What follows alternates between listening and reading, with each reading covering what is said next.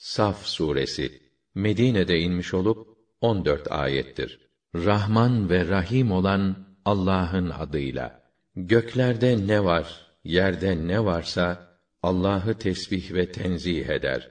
O azizdir, hakimdir. Üstün kudret, tam hüküm ve hikmet sahibidir. Ey iman edenler, niçin yapmayacağınız şeyleri söylüyorsunuz? Yapmayacağınız şeyleri söylemek Allah'ın en çok nefret ettiği şeylerdendir. Allah taşları birbirine kenetlenmiş bir bina gibi saflar halinde kendi yolunda savaşanları sever. Hani bir vakit Musa kendi milletine ey benim milletim demişti. Benim Allah'ın Resulü olduğumu bildiğiniz halde niçin bana böyle eziyet ediyorsunuz? Onlar batıla meyledince Allah da onların kalplerini hakkı kabul etmekten, hakka meyletmekten uzaklaştırdı. Öyle ya Allah yoldan çıkmakta direten bir güruha hidayet etmez. Onları emellerine ulaştırmaz.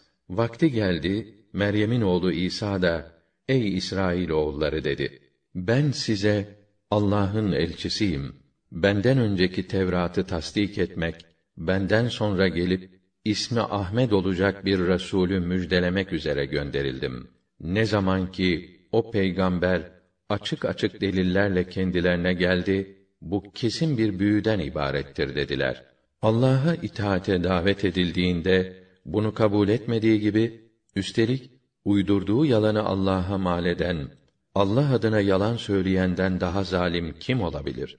Allah böyle zalimleri hidayet etmez. Emellerine ulaştırmaz. Onlar Allah'ın nurunu ağızlarıyla üfleyerek söndürmek isterler. Fakat kâfirlerin hoşuna gitmese de Allah nurunu tamamlayacak. O Resulünü diğer bütün dinlere üstün kılmak için hidayet ve hak diniyle göndermiştir. İsterse müşrikler bundan hoşlanmasınlar. Ey iman edenler! Sizi gayet acı bir azaptan kurtaracak, üstelik size çok karlı bir ticaret sağlayacak bir iş bildireyim mi? Allah'a ve elçisine inanır, Allah yolunda mallarınızla ve canlarınızla mücahede edersiniz. Eğer bilirseniz bunu yapmak sizin için çok hayırlıdır. Böyle yaparsanız sizin günahlarınızı affeder ve içinden ırmaklar akan cennetlere ve özellikle adn cennetlerinde çok güzel saraylara yerleştirir. İşte en büyük başarı, en büyük mutluluk budur. Memnun olacağınız bir şey daha var. Allah'tan bir yardım ve yakında gerçekleşecek bir zafer.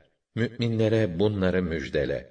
Ey iman edenler! Siz Allah'ın tarafında olunuz. Onun dinine yardım ediniz. Nasıl ki Meryem'in oğlu İsa vaktiyle havarilere Allah'ın yolunda giderken kim bana yardımcı olmak ister diye sorunca havariler biz Allah'ın tarafında oluruz diye cevap vermişlerdi. Neticede İsrail oğullarından bir kısmı İsa'nın peygamberliğine iman etti, bir kısmı da inkar etti. Biz de iman edenleri düşmanlarına karşı destekledikte onlar ötekilere üstün geldiler.